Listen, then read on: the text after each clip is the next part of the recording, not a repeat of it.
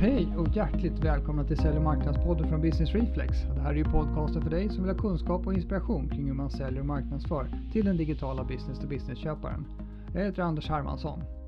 Nu är det ytterligare ett avsnitt som kanske inte bara handlar om sälj och marknadsföring utan det handlar om AI. Vi har gjort en liten sommarserie här sommaren 2023 eh, där vi har spelat in ett antal avsnitt om AI för att kanske inspirera er som funderar över hur man ska ta sig an det här området för att få ut nyttan av det hela.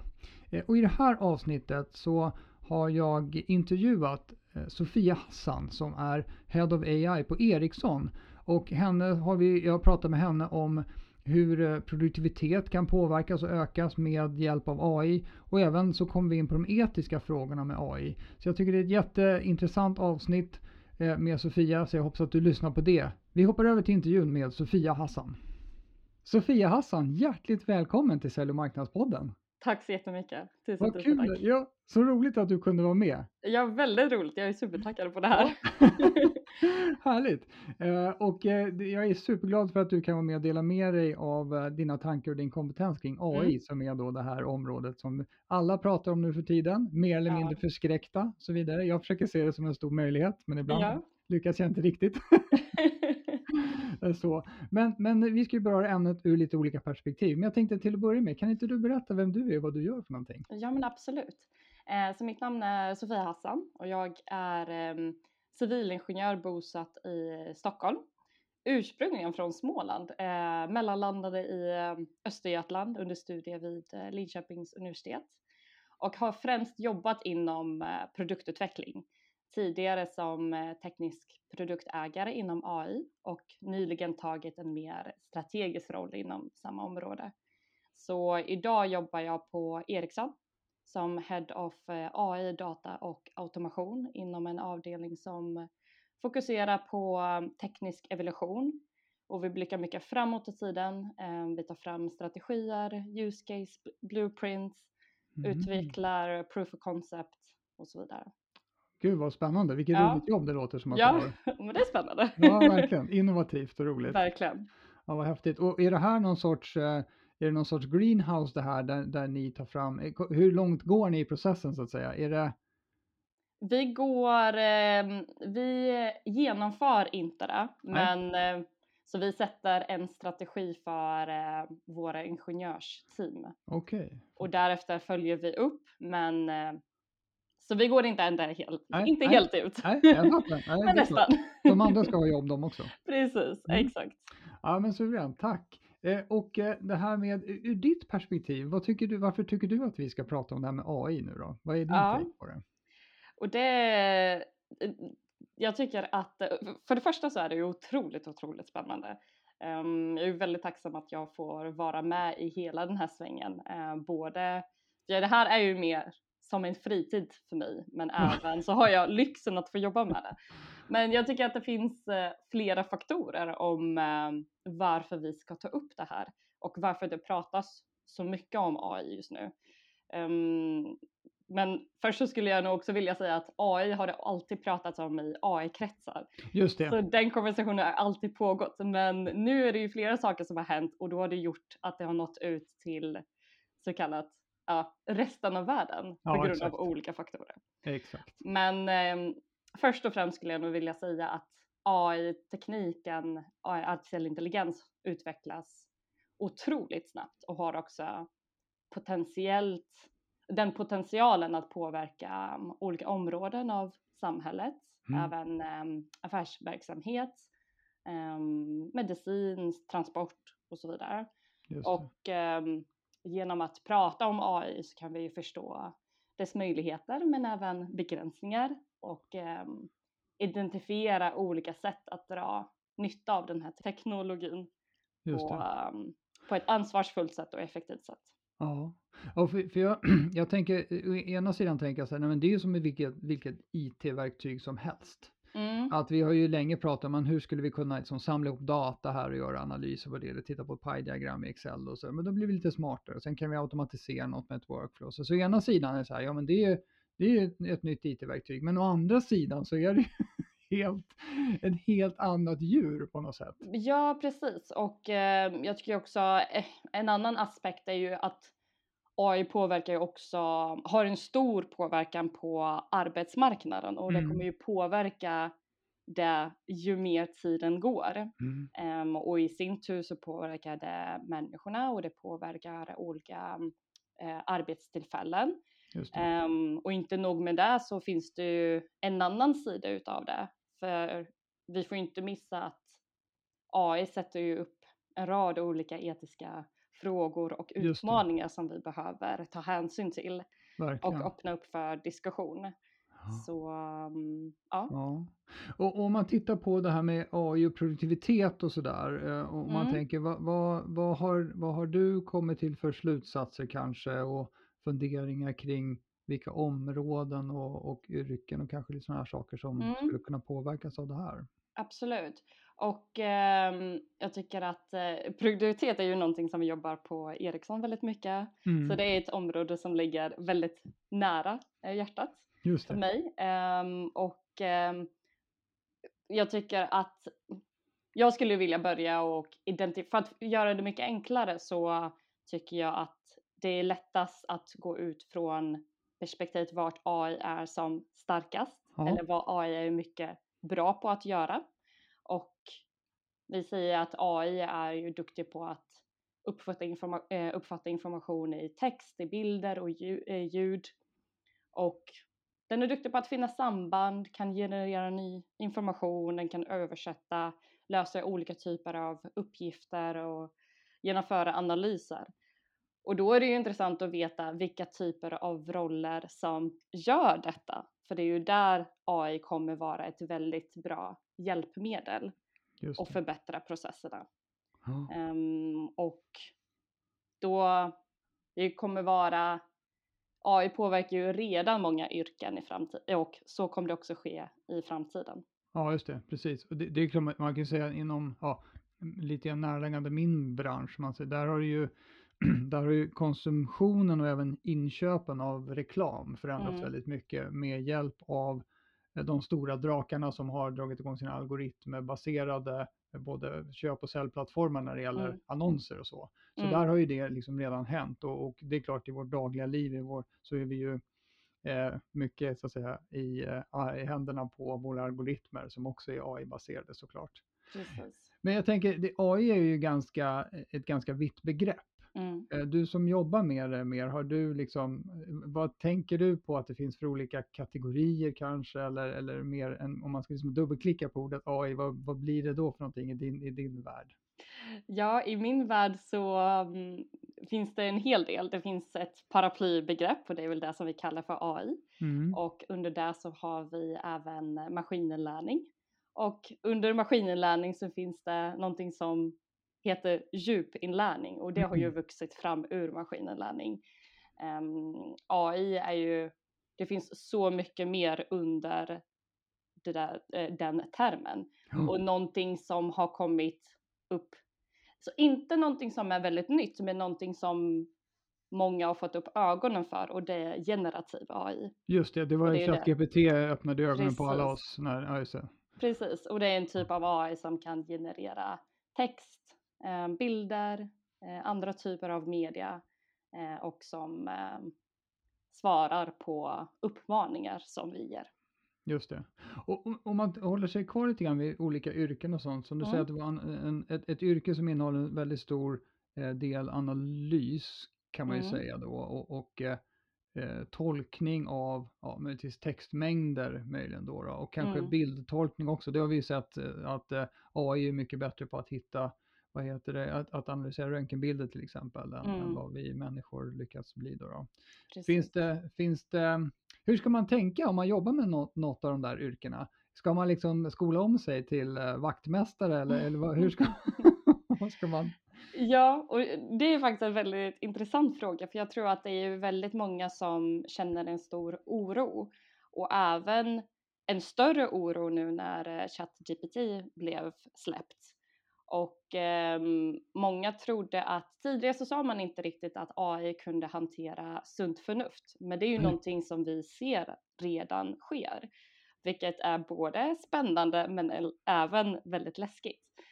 Men vad jag, skulle, jag tror att AI kommer påverka väldigt, väldigt många yrken och många olika processer. Och jag tror att vad som är viktigt är hur vi kan fortfarande vara relevanta, som, precis som du ställer eh, frågan. Och då hur mm. kan vi, AI är som ett hjälpmedel. Jag tror att i, slut, i slutet av dagen så kommer inte AI 100% ersätta en viss person men det kommer vara ett väldigt bra hjälpmedel för den personen att hantera sitt jobb på. Mm. Um, så um, det kommer, jag tror att, och det finns processer där vi aldrig vill att, där vi aldrig vill förlora den mänskliga kontakten. Så det, till exempel yrken. Mm. Um, jag tror att trots att AI har en stor eh, påverkan på vården så kommer vi alltid söka mänsklig kontakt när vi är som mest sårbara till exempel. Mm. Så, um, så det är vår uppgift att både vara att veta hur vi ska jobba med AI. Oh. Um, men det är också en fråga till regeringen och samhället hur det här kan utvecklas. Men um, ja, jag läste mm. faktiskt uh, en uh, rapport som presenterades av Gartner den publiceras i april 2023. Okay. Och rapporten heter Over 100 Data and Analytic Prediction through 2028. Mm. Och där så um, gör de prognoser på hur AI kommer påverka. Och till exempel så skriver de att år 2027 kommer 50% av utvecklare använda sig av ML-drivna kodningsverktyg. Mm. Och jag tycker att, för det är ju någonting som um, jag vet har, har trendat bland utvecklare att använda sig av ChatGPT genom att koda, för att Just koda. Ja. Och jag tror redan de börjar anpassa sig istället, hur, um, om jag tänker på hur de samarbetar med ChatGPT. Mm. Och ut där kommer nya skills att krävas. Så istället för att koda en mjukvara, en mjukvara så mm. behöver de också veta hur de ska integrera med ChatGPT, hur de ska tolka svaret och hur de ska implementera det i sin kod. Mm, just det. Så jag tror att många yrken kommer också att utvecklas beroende på hur, hur AI påverkar yrken i slutändan. Just det, och det, det är väl klart att nu, jag ser framför mig i alla fall att, att OpenAIs eller de här, ja, GPT-4, de här är ju, som känns som ett väldigt stora generella verktyg som verkar vara bra på det mesta. Men jag kan mm. tänka mig att det borde finnas plats vad det lider för mer nischade verktyg. Jag vet inte med Copilot till exempel på GitHub om den är supermycket bättre på att skriva kod än vad eh, ChatGPT är. Eller om det kommer mm. att bli det över tiden och sånt. Så att man får liksom yrkesspecifika verktyg då. då. Mm. Precis. Så kan, så kan det vara, men nu är vi alla nöjda och glada med, med ChatGPT ett tag till. Absolut. mm. Ja, men, men spännande. Eh, mm. Det är väl, eh, jag tycker alltid när, när jag pratar om det här så är det, alla ger rådet att, att verkligen inte stoppa huvudet i sanden utan verkligen försöka att ta till sig det här med AI, se vad, vad man kan använda det till. Mm. Det är väl det, det, det, generella rådet som alltid kommer tillbaka då. Ja. Eh, om man tänker på verksamhetsprocesser och så i, i framförallt då företag, vad, vad ser du, ser du några speciella områden som skulle kunna liksom helt, alltså processer som blir onödiga eller, eller som förändras i väldigt stor grad och sådär. Hur ser du på, på de sakerna? Ja, och eh, det är ju väldigt svårt att säga exakt vilka processer kommer försvinna, men vi ser ju redan hur AI påverkar vissa processer. Mm. Till exempel hur det påverkar kundinteraktionen eller kundsupporten som erbjuds. Um, därför för, kan AI förbättra just eh, kundinteraktionen genom chatbots som eh, är väldigt, väldigt populära oh. eller virtuella assistenter. Och det är ju någonting som vi ser i stor utsträckning. Mm, AI kan hjälpa med eh, att svara på kundfrågor, både från kundtjänstperspektivet men även från säljteamets perspektiv. Um, AI kan hjälpa att eh, analysera och förstå kundens beteende på ett sätt som vi människor inte kan göra för vi, vi kan inte hantera den stora mängden data eller se sambanden på, på samma sätt. Nej, just det. Precis. Um, och samma sak tror jag att det kommer påverka väldigt mycket um, hur vi marknadsför och vi, hur vi sköter försäljning. För det är mm. också otroligt mycket mängder data för att kunna identifiera um, trender och, och olika mönster. Mm. Um, och generellt dataanalyser och olika typer av um, beslutsfattande mm.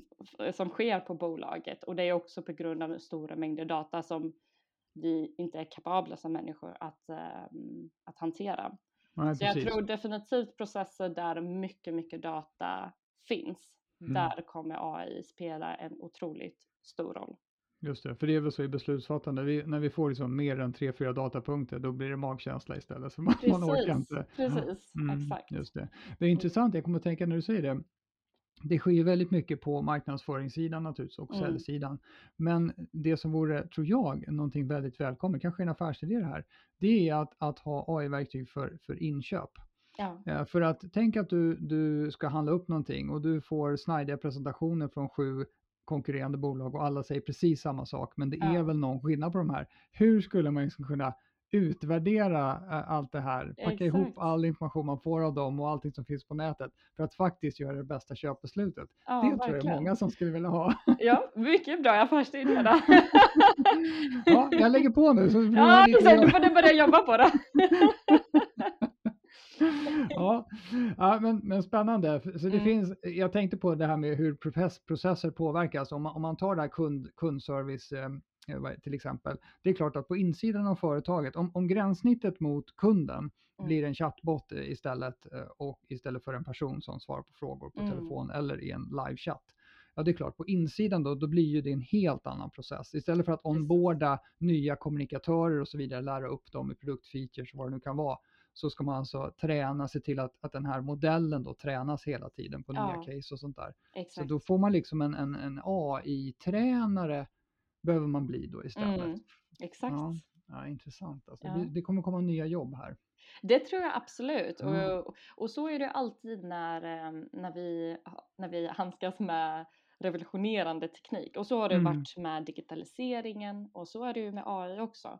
Ja. Um, många jobb kommer att påverkas men så många kommer även att skapas. Det Precis. tror jag. Ja, um, ja det, finns, det finns väl lite så här skrämselpropaganda kring att den här gången för alla andra steg, evolutionära steg inom, inom digitalisering och automatisering ända från spinning Jenny, liksom när, när industrialiseringen satte igång eh, och så vidare, har skapat fler jobb än det tog bort. Nu, ja. nu säger väl vissa olyckskorpar att nej, den här gången är det tyvärr så att fler oh. jobb från rika än den som nyskapas. Det är väl upp till oss, tänker jag i alla fall. Precis, det är upp till oss. exakt, man får bara vara lite extra kreativ den här gången. Ja, verkligen. Eh, jag, jag, tänkte så här, komma in lite grann på det här med, med etiska fallgropar och sånt. För en mm. sak som jag i alla fall har bestämt mig för, det är mm. ju att om informationen inte är digital, mm. då har AI inte en chans. Den kan ju bara hantera digitaliserad information, eller? Ja, um, indirekt ja. Men uh, till exempel så kan AI tolka um, AI kan ju fortfarande tolka information från eh, till exempel böcker och papper som inte är digitaliserade och digitaliserade. Ja, det är sant, exakt. Den I processen. Liksom, så, ja, exakt, exakt. så det blir på, men du, ja, Ja, blir så här, om du inte har en kamera som tittar Precis. ut någonstans, okay, då vet jag en ingen, då är den blind. Liksom. Exakt. Men har du en men, kamera, då kan den göra väldigt mycket. Precis, men det är mm. faktiskt en tumregel som många säger att när man implementerar, när man är nyfiken på att implementera AI så är väl tumregeln att implementera där informationen redan är digitaliserad eller way of working är digitaliserad. Ja. För om det inte är det så måste du ändå börja och digitalisera det. Just det. Så, ja, mm. Just det, så det finns en process och det, och det där vet jag, det, det svämmar ju över med sensorer överallt och det, det var där jag tänkte börja den etiska, liksom, det här med datainsamlingen. Alltså vi har ja. ju naturligtvis diskussioner kring GDPR, privacy och sånt där på nätet. Mm. Eh, och sen så har vi kameror som sitter som kan nu eh, med ganska små medel ansiktsigenkänna och sådana där saker. Mm. Det är väl första steget tänker jag kring den etiska diskussionen med privacy.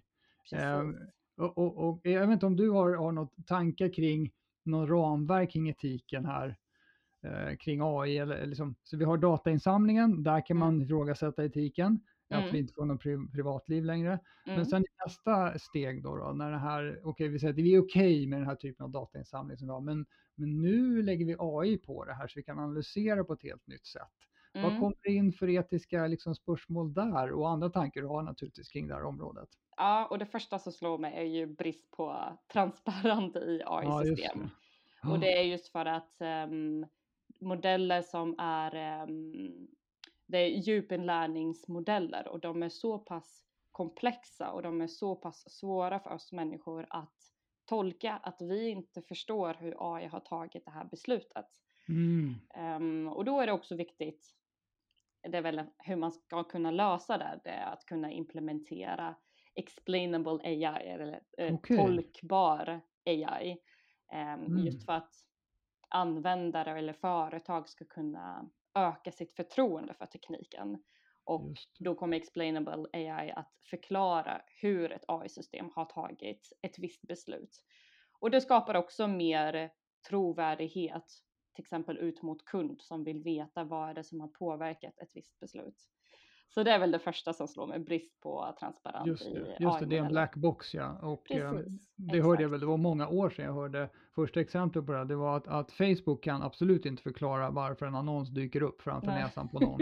det vet de inte. De bara säger, nej. nej vi har hällt ner allt det här i en stor burk och det händer grejer. Ja. Det verkar funka. exakt, exakt. En annan del kan ju också vara att de inte vill dela med sig av deras modeller. Ja.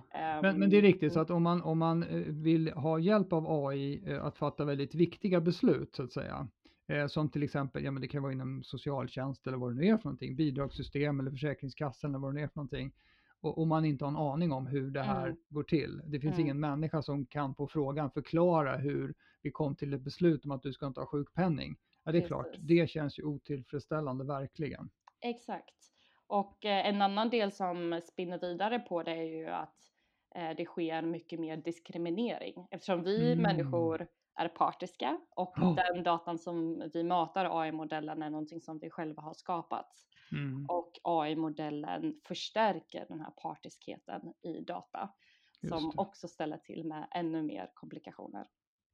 Just som... det, man, ja, precis. Det där, det där känns ju som att det finns en risk nästan att det är klart, vem som har tillgång till modellen tänker jag, men om den nu fortsätter att lära sig, ja.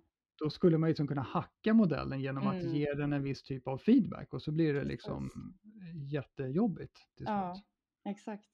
Ha. Ja. Så um, en annan, mm. ett annat dilemma som jag personligen tycker är väldigt intressant är hur mycket, och det är väl um, hur mycket vi får använda oss av AI-resultat för våran eh, vinning. Säg mm. att till exempel eh, om jag driver ett, ett försäkringsbolag och jag säljer massa försäkringar till privatpersoner baserat på deras sjukdomshistorik. Och säg att jag finner ett samband att om du har sjukdom A så kommer du, ha, så kommer du med tro, troligtvis få sjukdom B inom fem år. Får jag ta mig rätten att sälja en försäkring till dig som täcker sjukdom B trots att mm. du inte vet någonting om det.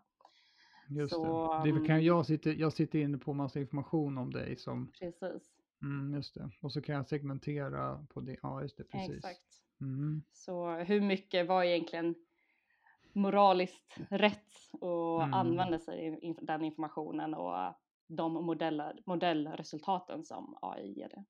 Just det. Mm. De regleringar som har kommit på EU-nivå, mm. jag vet inte om du har exakt koll på det, jag, jag har ju bara läst rubriknivån så att säga, att det har kommit lite muller från branschen så att de, att de liksom bakbinder branschen lite grann och hindrar, hindrar utveckling. Men det, det är väl precis det man är ute efter nu, ta det lite lugnt. Liksom. Precis, exakt, och det är AI-akt som du refererar just det, till. Just det, precis. precis. Och um, jag tror det var 14 juni som beslutet togs att den AI för, förslaget till AI-förordning skulle gå vidare i processen mm. Eh, med, en, eh, med en klar majoritet. Så det var många som var för den och, eh, och den här AI-akten är ju som självklart det är väldigt mycket information där så jag rekommenderar att de som är intresserade att ta sig igenom Ja, ehm, dokumenten.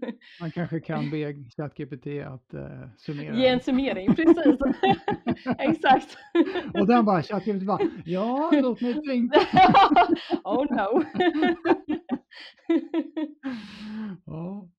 Ja, nej, för det, jag vet inte riktigt, i stora drag, vad, vad handlar den om egentligen? Eh, Så i stora drag vad den handlar är om att ehm, de kategoriserar AI mm, em, i olika nivåer, så låg, mellan och hög risk. Och em, då kollar de på vilken typ av information som AI-modellerna em, matas med Ja. och vad de kommer användas. Så till exempel em, övervakning är klassad som hög risk mm, och det är någonting som i princip kommer vara um, svårt i EU att använda sig av. Så det är där de försöker skydda individen i Just samhället. det. Ja, men det kan man vara tacksam för. Sen ibland Mm. brukar ju lagstiftning slå fel för att den, om den ska vara så att säga proaktiv så har man ju inte tänkt på alla case. Det, där hamnar vi lite grann med Precis. GDPR också, att det varit lite, nu måste vi alla trycka på cookie banners hela tiden när vi ska gå in på en sajt. Och sådär. Men, Precis. ja, men det är bra att det görs någonting, tänker jag. Exakt, och den största, mm, det har ju också varit väldigt mycket olika typer av respons efter det här. Mm. Och ehm, vad jag tycker är intressant är att vissa har nämnt att den här AI Act kommer missgynna innovationen i EU. Just det. EU ligger redan ganska mycket efter jämfört med USA eller Kina och eh, den här förordningen kommer inte gynna oss Nej, eh, precis. innovationsspåret tyvärr. Och det, det, det kan jag förstå. Det, det, är väl Precis. det, det, blir såklart ett, ett relevant argument för de som vill köra full fart framåt. Det kan jag förstå. Exakt, exakt. Mm. Man behöver bara fråga sig, vad gör Kina? Då blir alla Ja. rädda. Mm. Ja. Ja. Men, ja, svår, svår fråga. Ja, Eh, jag, jag tänkte bara, etiska fallgropar med, med eh, du kanske har någon, någon mer eh, grej, men jag tänkte skjuta in den här emellan. Hur lång tid tror du det dröjer innan vi behöver tänka på etiken kring AI-modellerna? Att vi inte kan behandla dem hur som helst? Oh. det där var faktiskt väldigt intressant för jag läste en artikel nyligen eh, på The Economist. Ja, Att det är så vanligt för oss människor att prata om saker och ting som om de har känslor. Ehm, och eh, det är ju ganska fel att göra det för vi skapar mm, ett större emotionellt band till, till dem. Ehm, jag tror att vi är, eh, det är självklart att man ska vara respektfull oavsett om modellen känner Mm. någonting eller Mm. inte känner någonting. Men jag tror inte att vi behöver oroa oss på Nej. långa vägar. Nej, det känns som att det är, det är en, bit kvar till dess i alla fall. Det är en bit kvar. Ja, exakt. Just det, så, så de etiska spörsmålen, då, det handlar mycket om, som du sa, bristen på transparens naturligtvis. Man vet inte hur de här besluten fattas. Eh, Mm. eh, och eh, det är klart att ju mer och mer vi förlitar oss på de här, när, när, det fattas beslut som så att säga kanske inte ens går att överklaga, utan att det är final say från en AI-modell, det är klart det blir ju Precis. djupt eh, oroande då. då. Exakt. Mm. Va, vad heter det? Eh, Finns det någonting som, som du skulle vilja, vilja tipsa vad heter företagsledare om hur de ska, hur de ska ta sig an det här med, med AI-området eh, Mm. för att liksom, ja, helt enkelt komma framåt inom det här och kunna få nytta av det på Ja, och eh, jag tror att eh, första steget är egentligen att ehm, analysera de olika utmaningar och möjligheter som företagsledare stöter på. Mm. Så um, vart, vill, vart skulle du vilja implementera det? Vilka uppge- om vi pratar om produktivitet, så vilka typer Mm. av uppgifter tar mer tid eh, em, från olika typer av resurser? Em, och därefter utveckla en, det behöver inte vara så avancerad, men en rätt så tydlig AI-strategi. Så vad är egentligen era mål och vad är era riktlinjer? Mm. Ehm, och då ska vi ändå realistiska och mätbara som vi alla säger, smarta mål. Ja, smarta mål. Mm. smarta mål.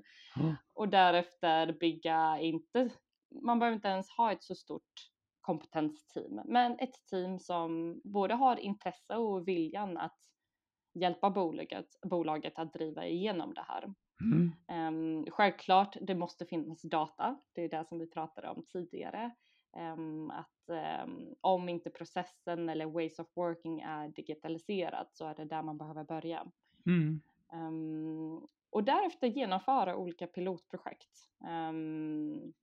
Utvärdera de olika lösningar. Mm. Även vara väldigt tydlig inom bolaget att kommunicera vad egentligen målet med implementeringen är och hur det mm. kommer påverka personalen. För jag tror att ju när man inte är så transparent så uppstår väldigt mycket oroligheter bland personalen. Um, när man inte får tillräckligt mycket kunskap om det eller vad uh, slutmålet är. Mm. Um, för oavsett vilken typ av implementering man gör så krävs en viss typ av change management. Just det. Um, så låt tid passera för uh, dina medarbetare att känna sig bekväma med implementeringen mm. och, eller den förändringen som du vill genomföra. Um, och vara investerad i den förändringen. Uh, om, mm. Till exempel om du vill implementera AI för att öka produktivitet så kommer inte produktiviteten att förbättras genom, uh, på en dag. Mm. Utan uh, det kommer krävas att personalen litar på systemet, att de kan ta ett steg tillbaka, känner sig fortfarande viktiga och värdefulla och ha, um, kanske bidrar med något på ett annat sätt eh, mm. i bolaget. Just det. Mm. Min, min approach, tank, tankarna som jag själv har tänkt kring det här, det är att man, man kan titta i väldigt detaljerat på processer. För, för jag kommer på mig själv att, att jag har suttit och funderat över någonting en halv dag. Mm.